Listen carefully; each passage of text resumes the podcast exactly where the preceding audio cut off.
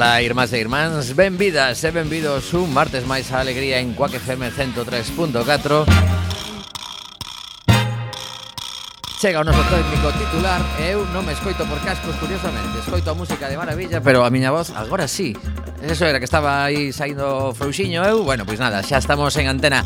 Ola, irmás e irmáns, benvidas e benvidos a alegría 103.4 Cuac FM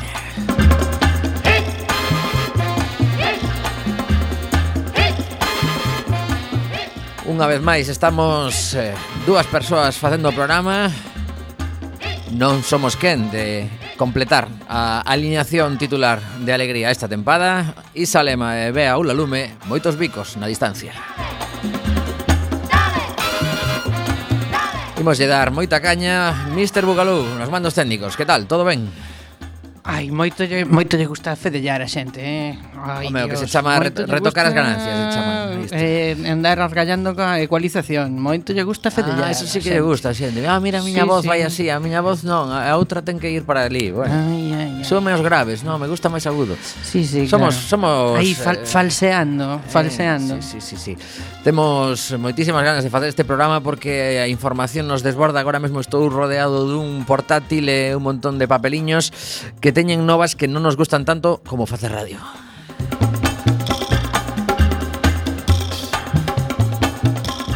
Oxe, incluso se si estás a escoitar alegría, podes levar unha entrada para un concerto, porque somos así de fenómenos. E temos que poñernos serio xa porque unha das novas de onte mesmo portada da Voz de Galicia e de outros medios de comunicación en Galicia preséntanse cada ano 5.000 5.000 denuncias por violencia machista. O dato é tremendo, logo algunhas eh, desas mulleres que denuncian, pois desgraciadamente acaban asasinadas polas súas parellas, exparellas. Precisamente esta fin de semana que estiven en Madrid había na, na Praza do Sol, na Porta do Sol un, unha especie de mm, happening protesta era interesante. Había compartirei a fotografía no Facebook do, do grupo do programa porque había un montón de zapatos de muller todos eh, tinguidos de vermello polo chan da, da Puerta do Sol e e ao seu redor cifras escalofriantes do número de asasinatos, de mortes e sempre poñía debaixo que non había datos sobre os menores perxudicados por esas accións. Bueno, o sistema de cómputo da violencia de xénero tamén é para é para a ver, eh, hai cousas que non se contabilizan como a molen, molen, violencia machista e que sí que e que sí que son, por exemplo, persoas que son agredidas e que falecen no hospital,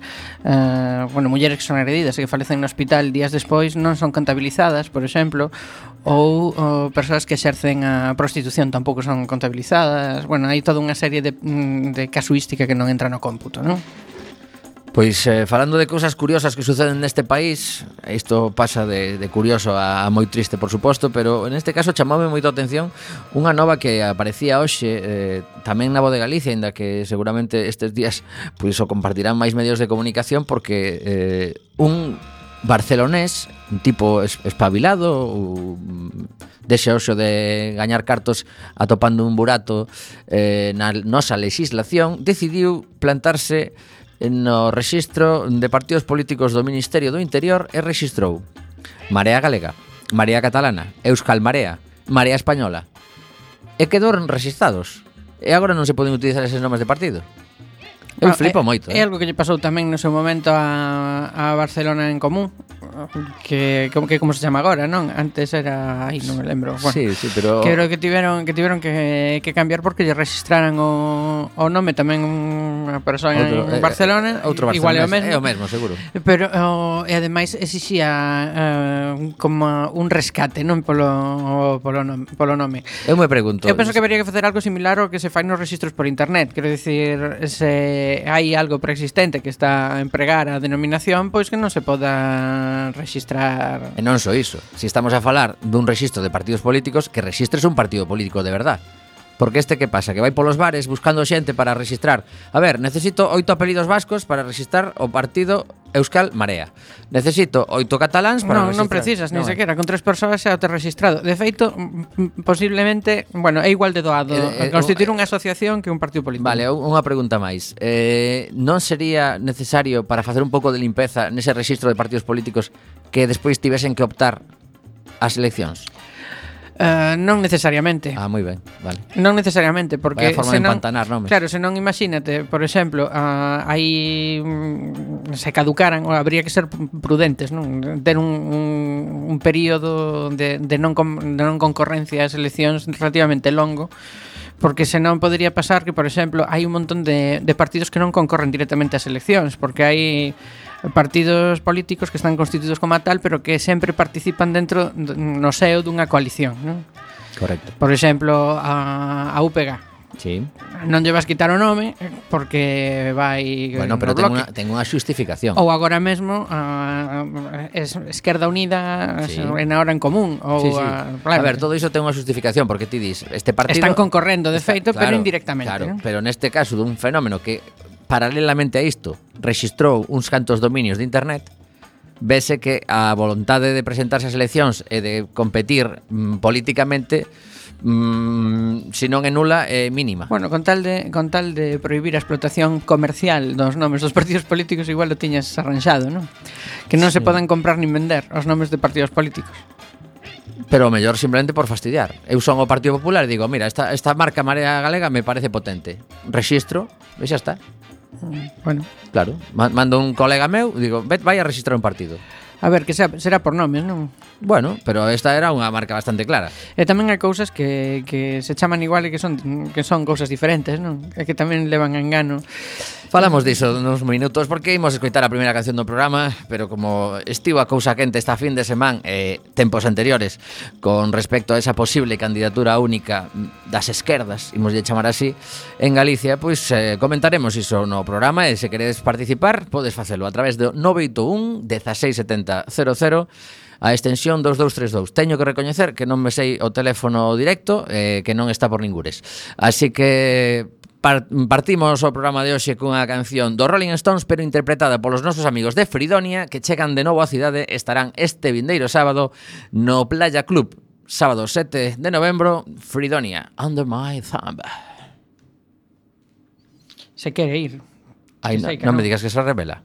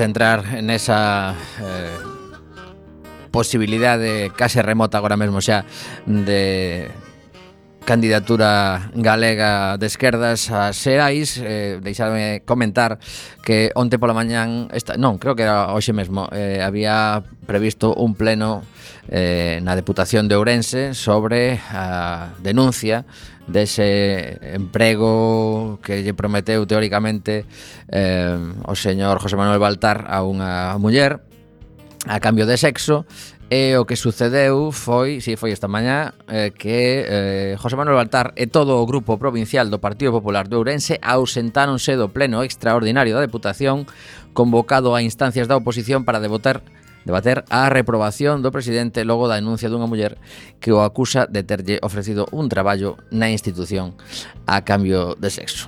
E tamén, para os que teñades algún interese, este vindeiro sábado hai unha marcha convocada no Concello de Madrid con, con persoas chegadas de, de moitos lugares de España para mm, deixar patente o, o rexeitamento á violencia machista e no pleno de onte en Madrid no que se votaba unha proposta para apoiar eh, creo que de forma organizativa incluso con algo de cartos esta marcha eh, Esperanza Aguirre, en representación do Partido Popular, votou non a esa proposta. Eh, unha vez máis quedaron sós Eh, en principio parece ser que era por un, por un desacordo con algunha das palabras que se empregaba na, na moción que, que presentaron o resto de grupos e que finalmente foi aprobada coa excepción do Partido Popular. E retomando o que dicía antes desta posible mm, candidatura eh, ás eleccións do 20 de decembro por parte dunha serie de partidos que imos, imos resumir dicindo que non son nin Ciudadanos, nin o Partido Popular, nin o Partido Socialista e que en diversos momentos dos pasados meses estiveron en contacto eh, uns máis eh,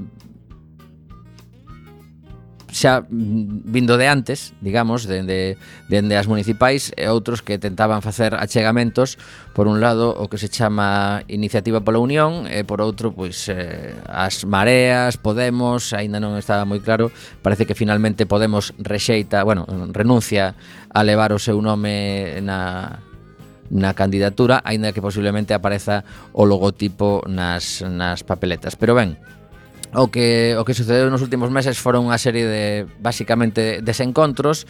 Eh, eu teño unha unha sensación de que eh, a mellor pois hai xente que, que está en desacordo comigo e podemos repetir o teléfono por si acaso 981 16 7000 981 167000 extensión 2232 porque eh, cando xa parecía que estaba todo a piques de romperse apareceu un manifesto de un, dun grupo de artistas e intelectuais e, e máis xente supoño que se uniría aí eh, que podemos ler si, si alguén ten interese ou si a Mariano lle, lle apetece escoitalo que non sei se o coñece no que eh, pedían que como galegos tiñamos eh, dereito a tentar ir a, a esas eleccións con posibilidades de acadar un grupo parlamentario propio pero en ningún momento, que é unha das cousas que eu criticaría se ofreceron para facer de mediadores nin de mm, tentar de argallar nada. Simplemente facía un manifesto e dicir,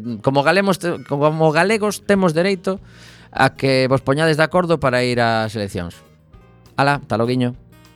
Claro, eso eh, no meu povo é dicir um, pero ti, ti que aportas exactamente?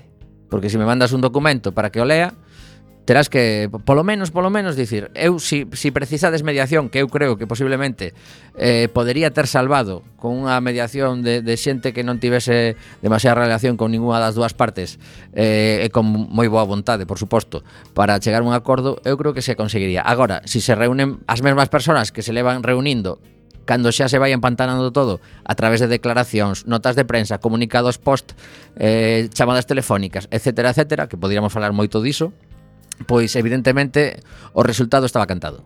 Polo menos dende o meu punto de vista. Poder, podería haber, mm, se houvese unha casa de apostas disto, eu me levaba unha cantidade suculenta. A ver, eu direi que os procesos de confluencia como que se como que todo mundo di, que, quería ou dicía querer ou di querer uh, son moi complexos e eh, eh, levan o seu tempo. Eu penso que probablemente digo para non andar buscando culpables, non? Porque é un deporte tamén moi moi sei que moi practicado e non quero entrar niso de, de andar a buscar culpables porque posiblemente tampouco no, no. tampouco está moi moi claro nin que nin sequera que os haxa.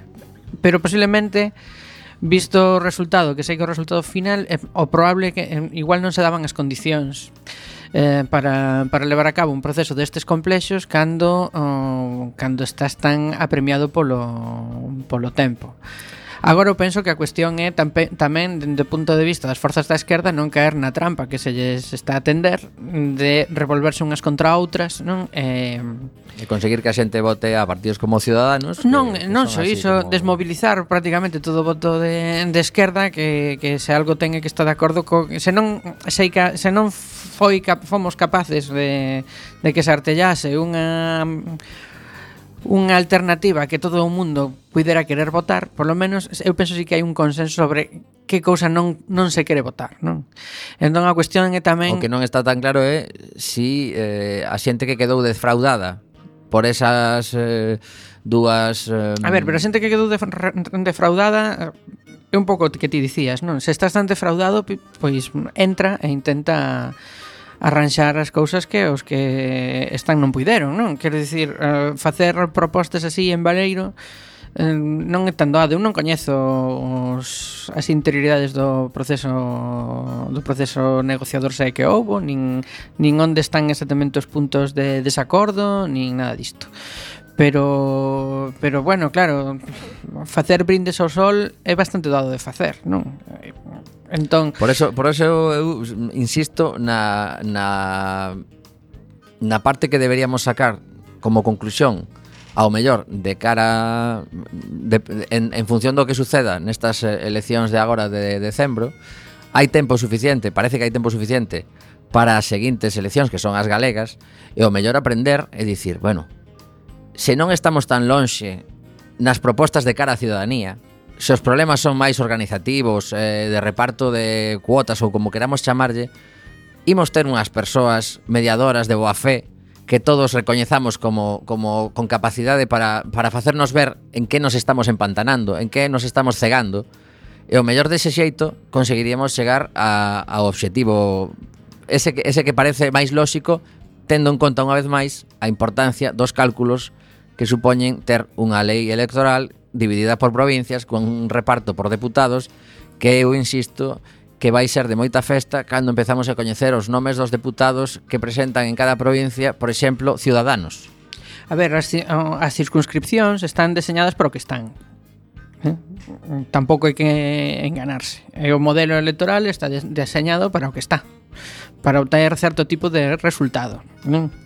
Entón, este... Para que se beneficien uns poucos, precisamente, o que... O non, que te- bueno, sí. a ver, realmente se nos paramos a se nos paramos a reflexionar, nos decatamos que posiblemente eh, no no no no momento constituinte eh, eh, se asemellase moito máis o esceario que posiblemente se vai ou segundo as enquisas se vai producir despois das vindeiras eleccións que o que tivemos todos estes anos. Quero dicir, o sistema electoral beneficiaba moito o partidismo, ao bipartidismo, non? Pero porque eh, desapareceu un axente clave na, que, que era o CD no, no, no proceso constituinte, non?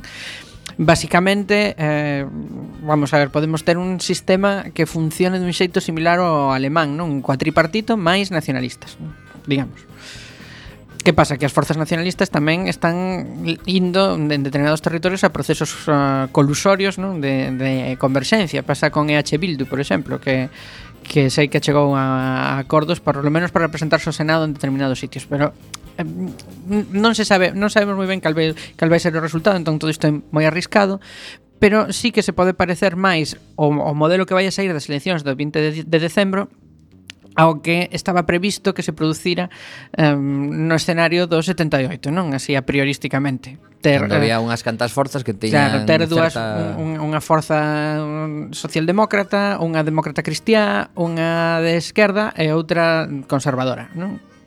Esa era máis ou menos o panorama tal como estaba mm, deseñado en abstracto e ademais, a maiores destas, as forzas eh, territoriais hexemónicas como a, eran no seu tempo PNV e Convergencia e Unión, non? Era unha cousa así o que o que se deseñara sobre o papel. Que pasa? Que logo as cousas saíron dun xeito completamente diferente. Primeiro porque eh, o CD eh, foi moi forte ao principio e logo porque desapareceu directamente pasou de encabecear o goberno e gañar as eleccións a desaparecer. Entón, ese sistema de cuatro partidos quedou en cuatro partidos eh, estatais de carácter estatal eh, con ampla representación quedaron en, quedaron en tres. O Partido Socialista acreceu cara á dereita e, eh, e eh, Mm, captou todo ese unha grandísima parte dese voto de UCD tamén, non temos un modelo case monopartidista con Alianza Popular á dereita e o PC, que logo foi a Esquerda Unida, a esquerda, máis os nacionalistas, non? E aí hai un, houve unha distorsión. Digamos que o escenario electoral, tal e como sei que se presenta, posiblemente se presente, é unha volta ás orixes. Que pasa? Eh, hai que ter en conta que no ano 78, con todas as súas eivas do proceso e todo isto, eh, sí que había unha cultura pactista. E, mm, e agora tamén. Dende todo ese proceso. Mira, di aquí, política. Albert Rivera no descarta un goberno tripartito de PP, PSOE e Ciudadanos. Mm, bueno, a, a, a cultura partista de Ciudadanos está por demostrar. Din que hai unha din que, non, o sea, pero de disques disques Entón, vexamos, porque hai moito tempo que non hai eh, pactos, por exemplo, pactos de legislatura. É bastante complicado acadar pactos de legislatura estables porque as forzas prefiren arriscarse un goberno en minoría, non? Entón, mm, digamos que, como dirían os chineses, podemos vivir tempos interesantes poden pasar uh, moitas cousas e poden ser moi complicados, claro, evidentemente. Eh, se cando se dan este tipo de circunstancias, se hai unha capacidade de interlocución e de pacto, pois normalmente os sistemas saen reforzados. Se non hai O problema Podemos ter, ter graves problemas. Claro, o problema é ter que pactar eh, con alguén que levas eh, 4 años dicíndolle que case case son un partido adicado a A, ver, a, a levarse os cartos para a súa casa Evidentemente eh... o Partido eh. Popular sale, sae moi debilitado de todo isto porque pasamos dunha situación de super maioría absoluta non? porque tiña maioría absoluta prácticamente en todas partes a unha situación de, de, de minorías moi exiguas, non? Maiorías moi exiguas, non? Maiorías moi pequenas.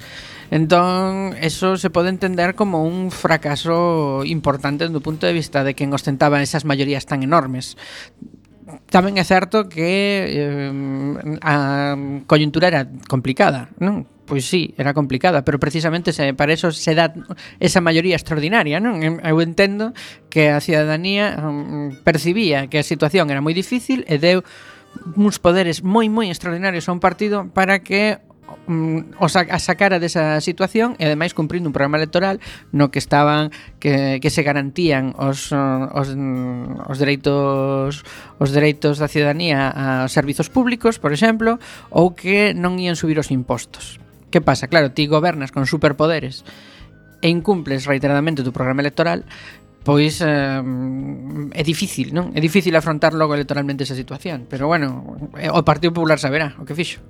Pois o que imos fazer é precisamente falar dunha cousa que estes días publicáronse resultados do traballo dos nosos parlamentarios nos diversos medios de comunicación, en concreto falando das iniciativas tramitadas eh, polos deputados e tamén polos senadores. Imos centrar nos deputados porque é un gráfico moi interesante o que o que teño diante de, de praza.gal, pero tamén o atopamos noutros medios de comunicación, eh, porque lembremos unha vez máis, o que imos escoller cada vez que imos votar no, no, nunha elección eh, como a que teremos o vindeiro 20 de decembro son os deputados e os senadores que nos corresponden na nosa provincia. En concreto, na Coruña hai oito deputados, os mesmos que non teñen en Pontevedra 7, 4 en Lugo e 4 en Ourense. En concreto, este gráfico nos di que hai unha muller do Partido Socialista que é unha mm, fenómena absoluta que presentou, atención ao dato, 4400 iniciativas no Congreso nestes 4 anos. Seguida pola súa compañeira Paloma Rodríguez, que presentou 3.800 e pico. O curioso é como vai descendendo, descendendo o gráfico Os, os cinco primeiros son do Partido Socialista eh, Logo está Olaya Fernández Dávila do BNG con 708 propostas E cando chegan os eh, populares é curioso o nivel de mm, relaxación, podemos dicir, que por exemplo o señor Erias, que é un home coñecido nesta casa e que foi decano dunha facultade da Universidade da Coruña, eh, o señor Erias en concreto presentou 33 iniciativas en 4 anos. Logo ten unha compañeira que sustituiu a, a Antonio Eras, precisamente, que entrou en outubro de 2014 e a novembro de, bueno, outubro de 2015, en todo un ano presentou exactamente cero iniciativas parlamentarias. Chega de sustituta, cobra o seu soldo, maravilloso, e fixo aparentemente pois tiña que ter presentado 11 para seguir o ritmo frenético. Pois si. Sí. E despois A ver, bueno, eu penso, eu penso que o das 4000 iniciativas non é realista. Eso no, Quero dicir... Eh, as pasan a, ver, a, re, a, re, a retuitear, asinas, digamos. Re, como, retuitear claro, un pouco, non? Mm, asinas as iniciativas, pero claro, pero non sei que ser humano pode redactar catro iniciativas Claro, home, ten un equipo detrás, diarias, ainda non? así... Sí, ah, sí, sí, sí, pero durante toda unha legislatura, sí, sí. tendo en conta que, pensando que nesa legislatura non habería nin festivos, nin sábados, nin domingos, bueno, nin fines de semana, nin nada, non? Mm. Quero dicir, un ritmo de traballo que non é asumible por unha persoa. Pois non. Pero, bueno, os grupos parlamentarios teñen as súas dinámicas. Me parece máis significativo ah, a, a, o tema do Bloque Nacionalista Galego. Uh -huh. Porque eh, hai que tener en conta que eh, non é o mesmo eh, ter 200 deputados que ter dous ou tres. Pois mira, precisamente a persoa que sustituiu a Francisco Jorquera, Francisco Jorquera estivo un tempo eh, acadeu, bueno, eh, presentou 70 iniciativas e a súa sustituta fixo o, un traballo interesante con 527 que son cifras, pois eso, en 4 anos, bueno, menos o tempo que estivo Jorquera, pois máis ou menos. O que pasa é que, claro, o, o máis participativo do Partido Popular en 4 anos presentou 73 Aparece tamén como deputada deputada ver, galega Ana Pastor que non se presentou ningunha porque é ministra. Que eu bueno, tampouco, ten, ten lógica. tampouco sei exactamente ese feito de estar no goberno implica que fagas menos menos iniciativas porque non, non explicita que tipo de iniciativas son. Claro, se son emendas a proxectos, claro, é lógico. Habría que entrar a, eh, se son emendas, claro, se son emendas a proxectos de lei ou, ou, ou, ou a iniciativas legislativas do, do goberno, pois ten a súa certa lógica que os partidos da maioría que os, que os deputados da maioría non fagan infinitas propostas, porque se supón que están de acordo coa ponencia, non? Sí, o que pasa que Pero... de alguna forma, se si ti representas a unha provincia, tamén terás que levar, eh, pois, pues, supónse que os deputados se reúnen con colectivos que teñen problemas na túa provincia, etc., e os levan ao, ao goberno. Sí, sí, pero, son as que teñen pero que cando deputado, cando deputado é do partido do goberno, o que tamén se entende é que se inclúen esas cousas na redacción dos proxectos que son a iniciativa do goberno, uh -huh. que son que son pero moitos, bueno, tal como funciona o noso parlamentarismo. Pero bueno, Vale. Uh, está ben, así da sensación como que a xente traballa bastante. Para que te fagas unha idea da, da, que da, so, queda, da sorpresa que te podes levar agora mesmo xa eh, brutal. Ricardo Varela, senador do Partido Socialista, presentou case 9000 Case 9.000 iniciativas. iniciativas. Eh. Toma xa. A ver, eu vexo que iso que se corresponde precisamente co que te, co que comentaba, sí, non? Sí. Que, o sea, Tramita, emendas, asinar, tramitar, emendas, asinar, tramitar. emendas, emendas, emendas, tramitar, tramitar, tramitar emendas. que locura. Eh, a ver, que además deuse moito esta legislatura para para emendar moitísimo. Sí, por toda non te facían A cuestión caso. é que seguramente uh, as emendas de, o sea, uh, uh, posiblemente os deputados estes do, do Partido Popular que fixeron moitas menos emendas ti, tiveran finalmente sí. estiveran máis recollidas emendas súas que do resto dos grupos. Porcentaxe de, de éxito posiblemente. Es claro, es non no, só porcentaxe, digo número bruto. Ajá. De éxito, porque eh, a ver, eh, o problema é que precisamente eh, o abuso da maioría absoluta, non? é o que é o que propicia moitas veces. Case sempre sucede iso. Ben, imos continuar co programa porque isto vai a un ritmo frenético. Temos unha entrevista telefónica nos vindeiros minutos, así que mentres tanto imos escoitar unha canción duns artistas eh, norteamericanos que andan de xira por Europa e chegan dende Madrid o vindeiro xoves a Coruña para presentar o seu último traballo, chámase Maritime, estes son Dave McGraw e Mandy Fair e son así de ben. Estarán en Mardi Gras o xoves ás nove e media. Música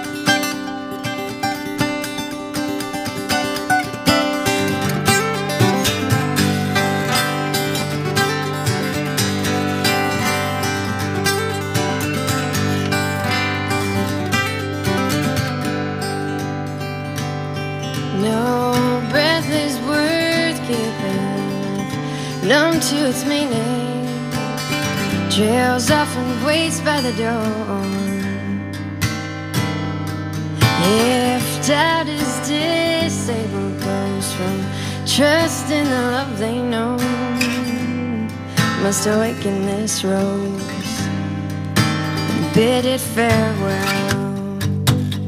My fairy tale is fading fast. Behind me on the railroad track, far away and never coming back.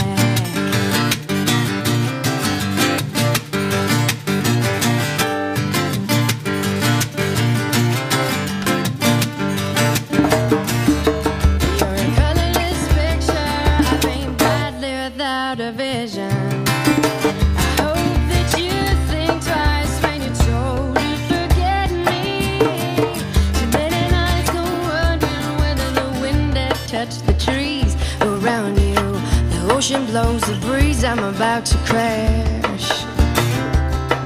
To crash.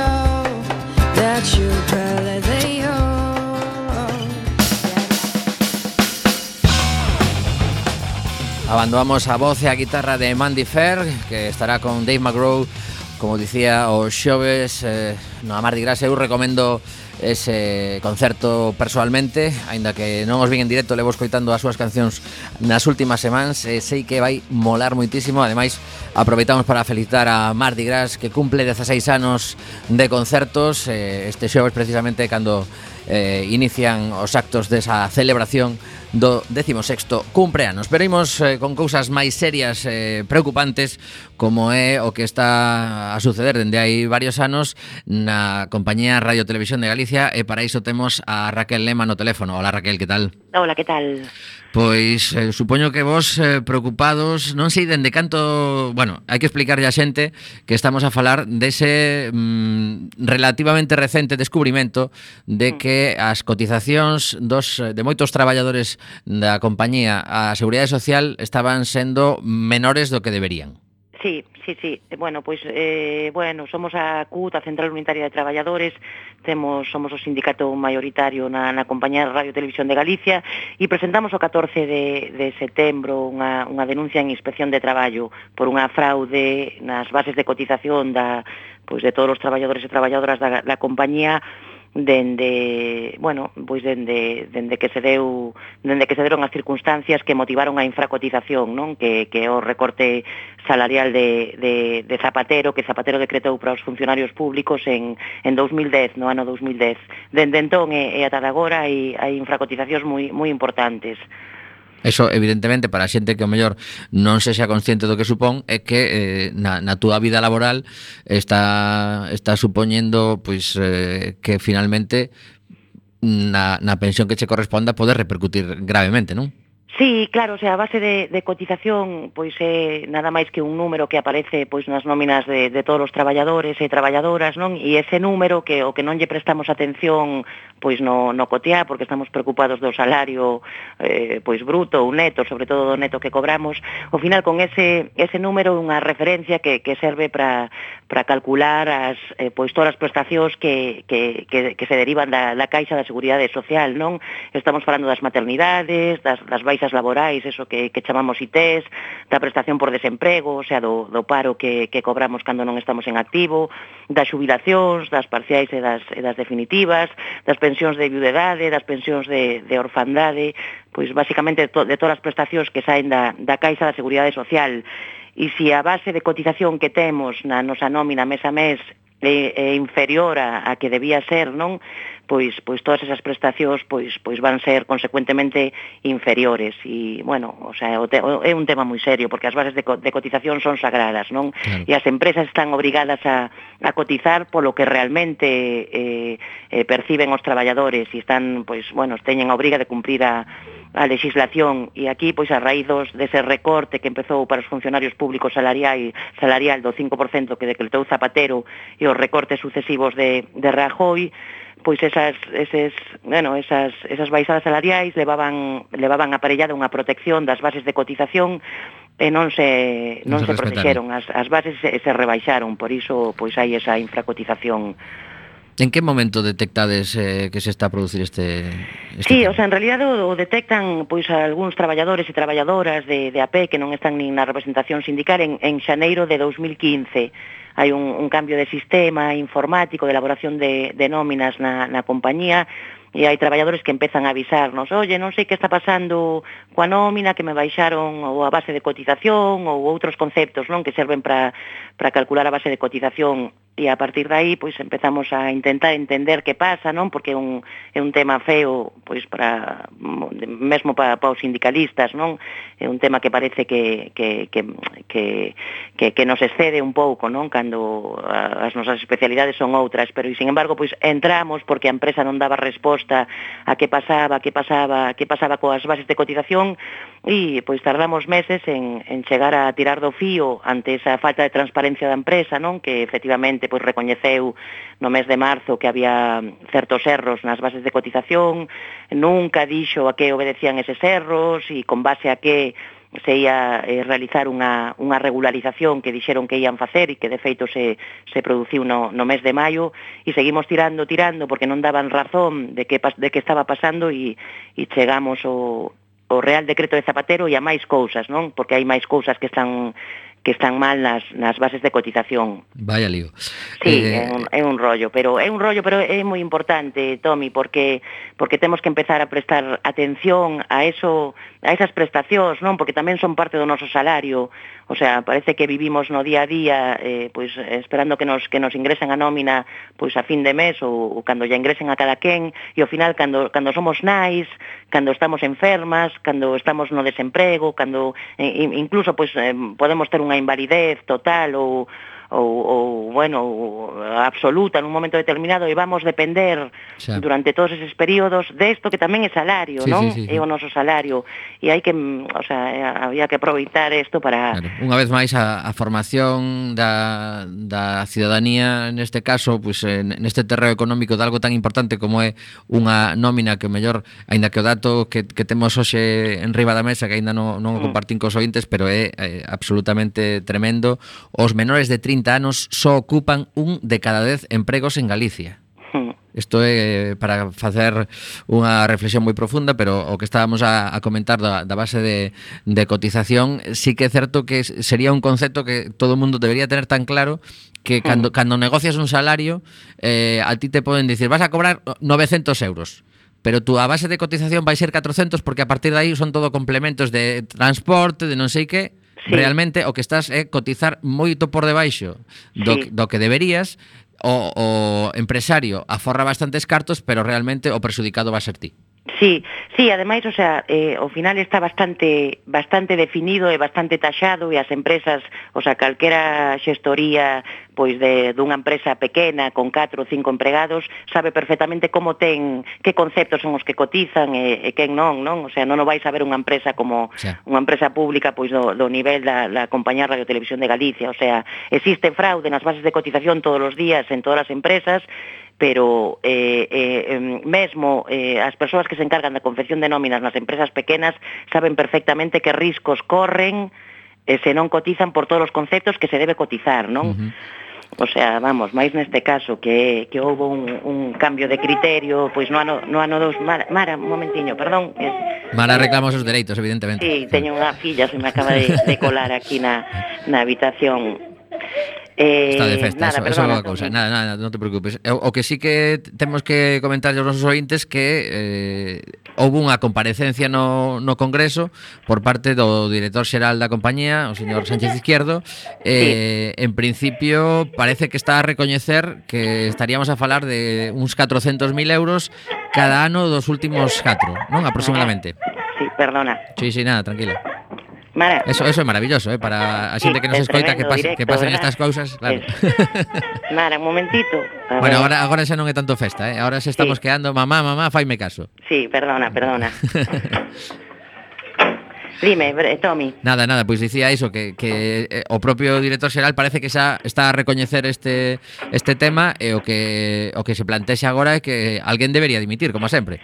Sí, o sea, non poden negar algo que, que está que podemos comprobar pois todas as traballadoras nas, nas nosas propias nóminas, podemos entender máis ou menos e chegar a facer os cálculos con, con maior ou menor profundidade, pero negar non o poden negar, están intentando agora pois aminorar o lavar un pouco as cifras que son, o sea, non, non van poder lavalas, non? Antes ou despois se vai se vai descubrir e se vai chegar a determinar a, a contía que é unha contía millonaria, non? e eso non, non, non o van poder negar. O que, o que seguramente suceda é que se os xefes deciden que este home vai seguir aí, vai seguir aí, porque realmente hoxe mesmo coincidiume que, que non o vexo todos os días, ni moito menos, pero hoxe estive vendo o telexornal eh, da Televisión de Galicia e chamou, sí. chamou a atención algo que vos supoño que viviredes día a día, que foi eh, inmediatamente a continuación de dar uns datos de paro bastante negativos, O primeiro que, que se emitiu a continuación foi unha nova na que se falaba da boa expectativa que tiñan as ETTs de contratación para o período do Nadal. Sí. Esas son as típicas eh, tácticas cos que estamos un pouco en comunicación. Nos fixamos, pero a maioría da xente dirá, bueno, vale, este mes foi regulero, pero claro. mirade, mirade que boas eh, expectativas ten eh, Galicia para o Nadal e ademais a seguinte nova era unha imaxe do presidente dando unha declaración, non sei que tipo, eran imaxes de arquivo, pero falaban de que Galicia sería unha das únicas tres comunidades que ia cumprir o obxectivo de déficit. Entón, ese, esa concatenación de novas, supoño que sí, os bueno, que estades eh, aí eh, sabe, sabedes como funciona o tema, non? Claro, porque o, eh, digamos, bueno, é o ABC da, da manipulación informativa, non? Pero eso igual daba para, sí, para sí, un programa sí. hai, do que. Hai que quedar con calma, sí. Hai que quedar con calma, sí. bueno, pois pues, entón, o que facemos é eh, chamarvos outro día, eh, gracias polo traballo da, da CUT, neste caso, eh, que, que acadedes o, o objetivo, sobre todo, que é recuperar esas bases de cotización que se perderon durante estes anos para toda a, a xente que traballades na, na compañía. Eh, o que sí non estaría de máis que os, os demais compañeros vos vos fagan así como unhas apertas polo pasillo se ao final se consigue, porque sí. o, o traballo que levades os que estades no, no sindicato moitas veces é pouco recoñecido, non? Sí, sí, bueno, o, o, o tamén o a nosa responsabilidade de poñer poñer pois o que hai en coñecemento de pois de todos os traballadores, non? O sea, hai, hai xente que se interesa máis, menos, hai xente que cree mesmo o discurso da empresa, non? Que que non é para tanto. Ao final, bueno, tamén todos somos adultas, eh, eh, eh bueno, hai, hai que preocuparse, hai que preocuparse porque porque eu mesma que fun nai no ano 2012 eh, no mes de maio pois a, a miña, o impacto da infracotización que eu teño na miña maternidade supuxo que eu cobrase 580 euros menos eh, dos que me correspondían, non? Xa. O sea, temos compañeros que estuveron estuveron un ano de IT e teñen pois cobraron eh, durante ese ano 800 entre 800 e 900 euros menos dos que dos que lle correspondían. O sea, non estamos falando de cartos, aí somos todos moi moi moi sí. serios e e moi adultos e tamén é tempo de que de eh, un sindicato alerta, un sindicato denuncia, un sindicato pretende que se corrixan as bases de de cotización de de todos e despois tamén é responsabilidade de cada quen prestarlle atención ao que vai pasar a partir de agora, eh, sobre todo cando a inspección determine eh, que lle obriga a empresa a, a corrixir, a regularizar as bases de cotización conforme a lei, pois de seguirlle a pista as súas bases de cotización e ver os efectos que, que vai ter esa, esa corrección, porque porque eso vai suceder. E, e espero que, que cubrades a, a nova ese, eh, eh, Intent, ese Intentamos día. estar atentos a, ao que nos vai chegando, aínda que sí. no, no, nos hora semanal se nos quedan tantas cousas no tintero claro. que isto é tremendo. Pero coincidiu ben, bastante ben que, que hoxe tivemos un ratiño para vos. Así que Raquel Lema, eh, portavoz neste caso da Central Unitaria de Traballadores CUT, moitísimas grazas por atendernos. Eh, de verdade, verdade, que Gracias estaremos vos, atentos e fa falaremos outro día da manipulación, de verdade. Moi ben, veña, un biquiño ata pronto. Chao. Chao. Pois xa vedes como se cocen as cousas eh, por aí adiante eh, Nos temos que preocupar e esa, esa mm, revisión de nóminas que tedes na casa da base de cotización Se tedes dúbidas, ou mellor, pois buscade alguén que saiba que non está de máis es, eh, A cuestión é que estamos a falar de um, un medio de comunicación Público E ademais público Eu diría que se pasa isto nun medio de comunicación público, que é o sitio posiblemente menos ha caído para facer unha, unha falcatruada destas. Pois. No, e ademais que, que seguramente as persoas que están en administración dese medio público son funcionarios e que realmente non temen polo seu posto de traballo. Non, claro, pero quero dicir, cando, cando, eh, como estará a cousa como estará a cousa, non? Para que eh, incluso xente que dende de, de o, a inseguridade do, do autoemprego ou do traballo asalariado privado, non? que ten como os funcionariado e a persoa que traballa en empresas públicas como, a, como a, os inamovibles, non? as persoas que, que non corren perigo de, de, de ser menoscabadas nos seus dereitos, pois en todas partes cocen habas. E falando... Fabas, fabas, Hola, hola, hola. Fa falando... Menuda patada do dicionario. Bueno. Falando de datos estremecedores, eh, comentaba eu durante a entrevista con, con Raquel Lema que eh, onte mesmo aparecía un titular eh, que, que preocuparía a calquer gobernante. Os menores de 30 anos só ocupan un de cada 10 empregos en Galicia. A crise levouse a metade dos seus traballadores máis xoves, moitos emigraron, xa sabedes, eh, dos que hai 100.000 afiliados menos á Seguridade Social dende 2008, só en Galicia. Eh. Iso dende un punto de vista de, de cotizacións á Seguridade Social é dramático. Totalmente. Eh, claro, é, é un problema. A cuestión é que eh, todo isto correspóndese cun esquema predeterminado. Quero dicir, eh, eh, hai un grande negocio eh, dentro dos plans privados de pensións, non? eh, que é un grande negocio que se viu eh, tremendamente fastidiado con isto da, da crise do, do estúpido da crise non? Eh, aí houve moitos fondos de, invers, de investimentos privados nos que estaba refugiado ese o investido ese dinero de, de pensións que quebraron e os plans de pensións resultaron eh, de ser un negocio florecente para determinados sectores financeiros a ser un desastre desastre, unha ruína. Que pasa? Hai, un, hai unha necesidade imperiosa de facer menos atractivas tamén as, as, eh, as percepcións públicas, non? As pensións públicas hai moitos xeitos de, de facelas menos atractivas. Como, Igual que a sanidade. Conxeándolas, claro, o, eh, dificultando o acceso á prestación e tamén tamén eh, é importante desprestixialas e mesmo poñelas en perigo, non? Non non son accidentes todo isto. Por que eh, por que acontece que hai un recurte sistemático nas políticas activas de emprego, sobre todo para a mocidade, cando hai determinados gobernos en, nas institucións, non? Eh, porque ti podías optar porque eh, ese emprego que se perde se perdese noutros segmentos, pero non, non, cortamos por abaixo, non?